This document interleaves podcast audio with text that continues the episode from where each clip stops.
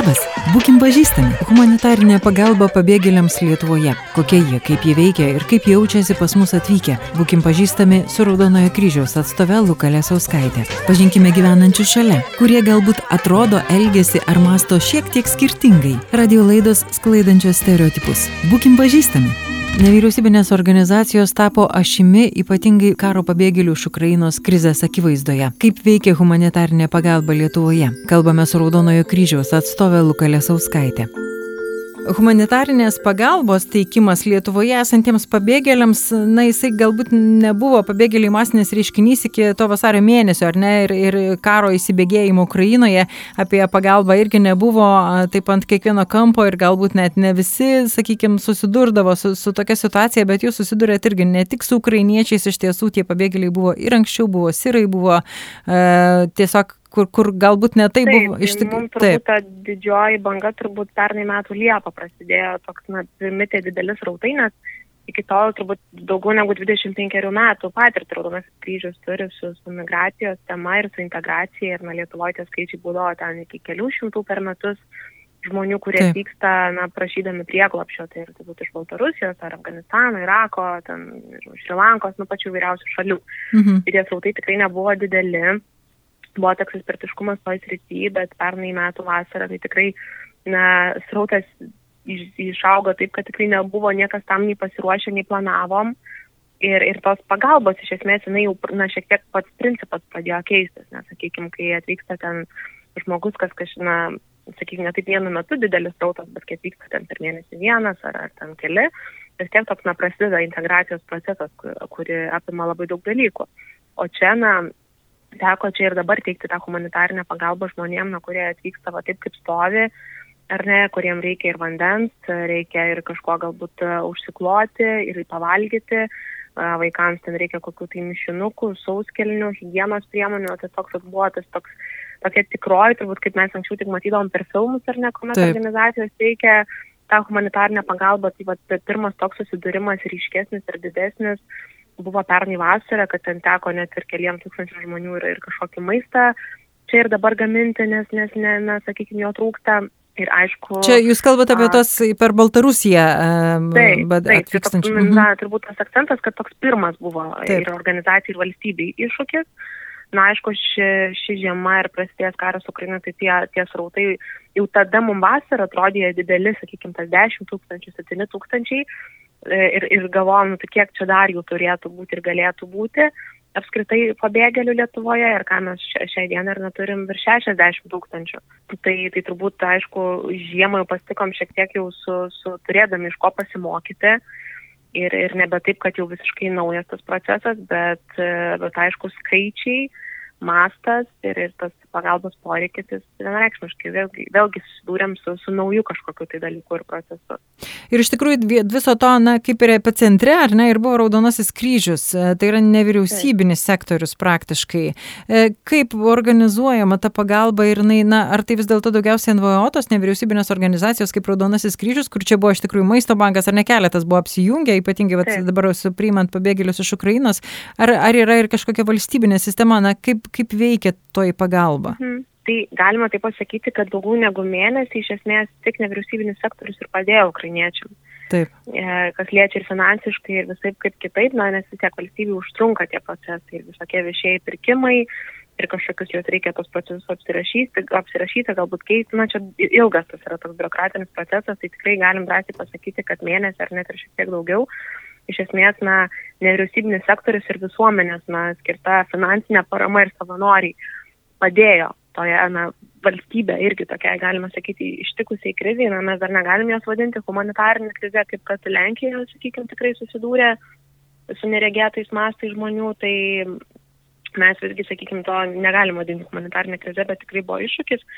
Tai nuo ko viskas prasideda, tai iš tiesų, na, mes jau turbūt prieš kokį gerą mėnesį, kaip, kaip organizacija, jau buvom, na, tos signalus matėm ir, ir iš valstybės girdėjom, kad, kad na, gali būti karas, galim sulaukti mm, e, migrantų ir jiem reikės pagalbos, tai tikrai jau turėjom tą patirtį ir iš vasaros, tai pradėjom jau kalbėti ir galvoti apie rezervą, apie, apie tai, kad reikės savanorių, apie tai, kaip, kaip veiksim, nes vis tiek čia toks yra dalykas, kad ir pas mus organizacijai įsijungia mechanizmas kaip toks operacijų centras, kuris, na, yra toks, na, veikia iš esmės visą parą ir, ir skirsto darbus ir reaguoja ir, ir kalba su institucijom, tai, tai tikrai toks, na, iš šalies gali vienai atrodyti, ar ne, kad tu tiesiog dalini kažkokius paketus maisto hygienos, bet kad iki jų ateiti, tai yra tikrai gan ilgas procesas pačio organizacijai, pasiskirstimas ir tam tikrais vaidmenimis ir atsakomybėmis. Tai, tai viskas prasidėjo nuo to, kad e, jau buvom pradėję šiek tiek kalbėti.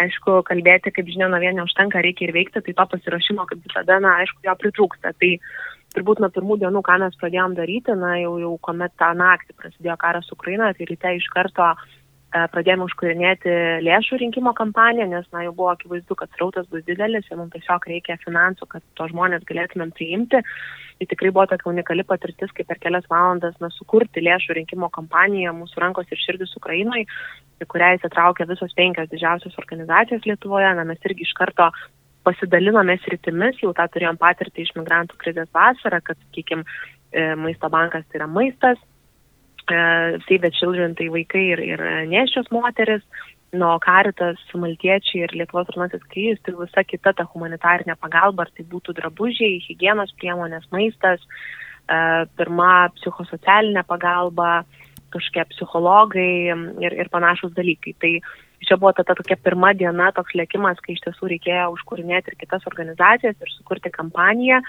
ir pradėti na, jau, jau ruoštis tam um, ukrainiečių prieimimui. Ir kuomet ukrainiečiai čia jau pradėjo vykti, tai vėlgi buvo na, ta diskusija ir pokalbis su valstybinėm institucijom ir būtent mum kartu su vidaus reikalų ministerija, Raudonajam kryžiui buvo pavesta na tuos sukurti registracijos centrus, kas irgi iš tiesų buvo visiškai nauja, mes tokių centrų nebuvom turėję.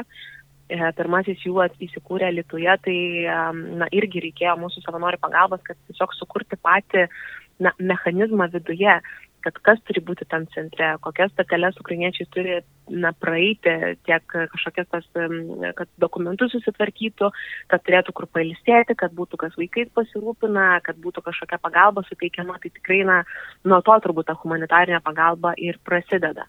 Taip, ir iš tiesų vienas momentas, ką jūs ir minėjote, tai yra savanoriai. Pirmiausia, tai yra žmonės, ar ne visur, pati organizacija viskas tvarkoja, bet pajėgumai tikrai nėra tokie, kad galėtumėt, na, e, Raudonasis kryžius, jūs negali tiesiog tie žmonės, kurie įprastai, pavyzdžiui, dirba, kur kai nėra tų srautų ir staiga paskui užplūsta ir visi ir, ir centrai prieimimo ir taip toliau. E, savanoriai žmonės lietuviai, kaip jie elgesi, kaip jie reaguoja, kaip jie priima. Tai mes lygiai taip pat, kuomet jau nusprendėm ir matėm, kad reikės lėšų, tai e, kitas dalykas, toks lygiai gretus, tai žinoma, matėm, kad reikės rankų.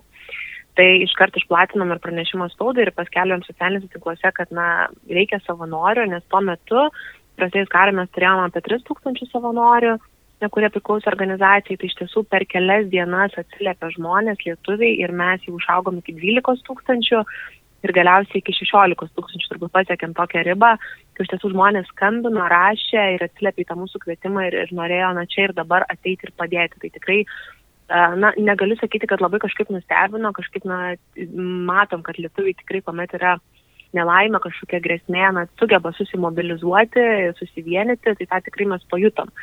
Ir, ir, ir tas toks, na, noras prisijungti buvo toks labai masiškas žmonės norėtų nu, bet ką daryti, nežinau, ką, ką tik reikia, tai, tai tikrai tas pasijuto, kad, žmonės nori įsižeminti, nori pasijausti reikalingi, negali tiesiog namie sėdėti ir per televiziją stebėti, kas vyksta, nori na patys dalyvauti ir padėti uh, padėti kaip tai gali. Tai tas tikrai buvo ir, ir, ir tas jautėsi na, ne vieną mėnesį tas aktyvumas ir toks na, žmonių pakilimas. O kaip dabar, kiek ilgai išlaikom tą noras pradžioj padėti, ypatingai ta emocija tokia yra iš tikrųjų įtraukia. Galiausiai paskui vis dėlto yra kasdienis gyvenimas ir dalykai, kurie vyksta aplink tave. Kiek ilgai išsilaiko tas noras padėti? Ar tebėra tas pats, ar užtenka tų savanorių, ar, ar užtenka žmonių? Tai iš tiesų labai gerai pastebėt, kad, kad tos emocijos dažniausiai turbūt ir nu, užvaldomos sprendimus, kuomet priiminėjom tokius sprendimus ir žmonės tikrai ne visą laiką įsivertina, ar tikrai turės laiko, ar galės ir panašiai. Tai e, pirmus kokius 2-3 mėnesius tikrai savanorių netrūko, ar netgi ne visus mes turėjom kur įveiklinti pagal tai, kiek jų turėjom tų savanorių ir kiek buvo veiklos. E, šią dieną tikrai kartais ir pamainos ne visą laiką susirenka, nes ir vasara yra, ir žmonės pavargo ir kiti jau tiesiog na, nebeturi laiko ir galimybių savanoriauti, tai tikrai tas jaučiasi šiek tiek sustojimas ir, ir sumažėjimas. Nors pagalbos ukrainiečiam taip pat reikia kiekvieną dieną ir mes ją teikiam.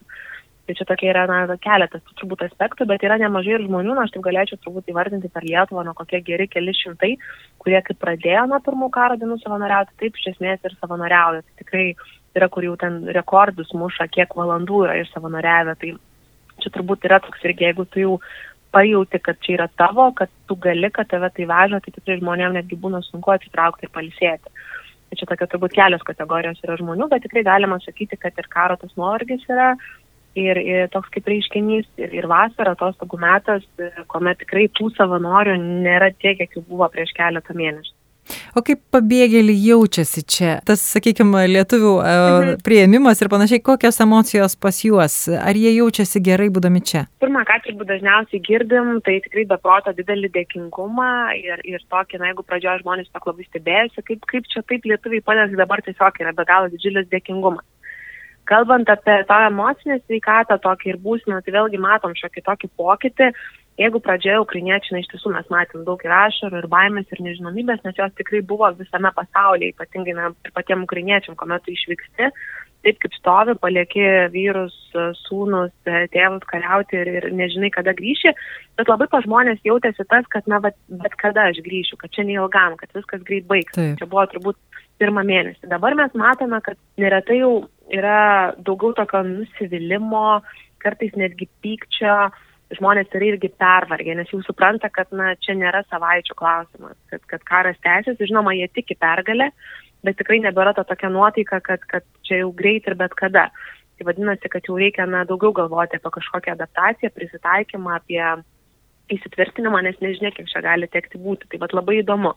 Kalbant apie moteris, irgi ypatingai, kurios jau išvyko su vaikais gyventi kažkur labiau regionus, kur na, galbūt mažesnės tos bendruomenės, mažiau rokriniečių, tokia ir vienišumo, vienišumas jau labai pradeda labiau ryškėti, nes iš tiesų, na, jau ilgą laiką, ne jos vienos su tai savo rūpeščiais, e, su vaikais ir, ir, ir yra tikrai na, žmonių, kuriuos mes ir registracijos centruose dar priimdavom ir jos na, moteris gaudavo žinę, kad vyras, pavyzdžiui, žuvo, jo nebėra.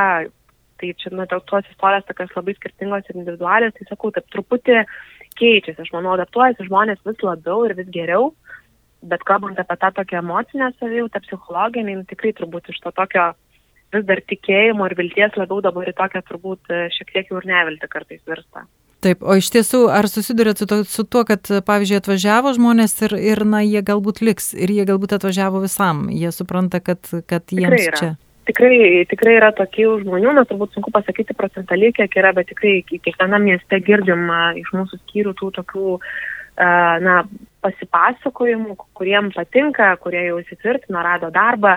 Nemažai kas turi vaikų, mato, kad čia na, galimybių tiesiog yra daugiau, kas liečia švietimą, edukaciją, nes iš tiesų na, žmonės neretai ar netvyksta nebūtinai iš tų didžiųjų miestų, tokių kaip Itankijevas ar ne, ar koks Taip. ar Harikovas, yra ir nemažai iš mažesnių, kur tikrai netokios tos galimybės ir kol, kol tu neišvyksti, turbūt nepamatai, kad kažkur ar ne ir, ir gali būti geriau, kas liečia va, tokius labai na, socialinius dalykus, tai tai tikrai yra, kas, kas čia nori tęsti tą gyvenimą, tai čia turbūt vėlgi labai, labai skirtingai yra, kas laukia ir, ir tiesiog svajoja grįžti, nesvarbu kur. Yra tokių žmonių, kurie, kurie jau grįžo ir, ir, ir į Ukrainą ir po to vėl sugrįžo, nes pamatė, kad tiesiog na, nėra ten kur grįžti ir ką daryti. Tai vėlgi labai toks, na dabar tas įdomus laikotarpis yra ir tikrai su neramumu laukiam to rudens, kuomet uh, tų tie srautai ir, ir ukrainiečių pabėgėliai gali vėl masiškai atvykti. Prasidės šaltasis sezonas. Taip. Mm. Taip, nes iš tiesų, ką, ką sako ir kolegos ten esantis, tai sugriauta, sugriauta didžiaja dalimi yra infrastruktūra tiek, tiek vandentiekiai, tiek, tiek elektros įvairios dalykai ir, ir, ir šiluma, nu, tai tiesiog gali būti tiesiog labai sudėtinga jau kokią spalio antroji pusiai ir, ir nebus ką daryti, tai jau irgi pradedam apie tai kalbėti, ruoštis, nes, nes visai čia gali būti. Luka, tai kaip padėti ir prisidėti, ko jums labiausiai trūksta ir ko labiausiai tikėtumėtės iš uh, žmonių? Tai žinoma, turbūt nenustoti tikėti ir, ir, ir remti ir palaikyti Ukrainą, kad tas karo nuovargis jis toks na, nepaimtų to viršaus, tai čia turbūt vienas dalykas.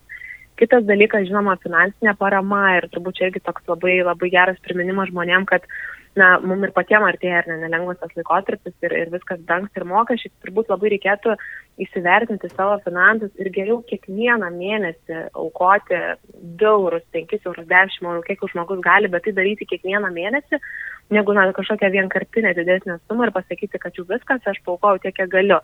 Nežinau, organizacijom kiekvieną mėnesį ir ukrainiečiam kiekvieną mėnesį reikia pagalbos. Čia turbūt būtų toks, na, priminimas, kad jau dabar, kuomet emocijos tos jau taip šiek tiek nuėjo, nebeveikia mūsų jau taip, ką mes matom per televiziją ir išgirstam tas istorijas, tai kažkaip įsivesti galbūt tokią rutiną, netgi aš sakyčiau, e, vietoj vieno podelio kavos ar kokio tai piragėlio, na, tuos kelius eurus tikrai kiekvieną mėnesį pervesti pasirinktai organizacijai. Nu, kalbant apie savanorystę, taip pat, e, jeigu kas jos dar nebandė, ateiti, pabandyti ir, ir prisidėti rankomis savo laiku.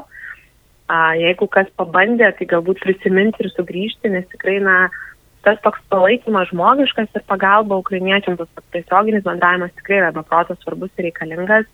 Ir savanorių mums reikia nuolatos. Tai čia turbūt tokie trys esminiai dalykai - nepavarkti, nenustoti aukoti ir, ir žinoma ateiti išbandyti savanorystę. Geriau po truputėlį, bet stabiliai ir nepamesti. Taip. Ačiū Jums, Luka, labai iš pokalbį. Ačiū Jums. Būkim pažįstami viešne buvo Raudonojo kryžiaus atstovė Luka Lesauskaitė. Ja kalbino Vilija Kvedaraitė.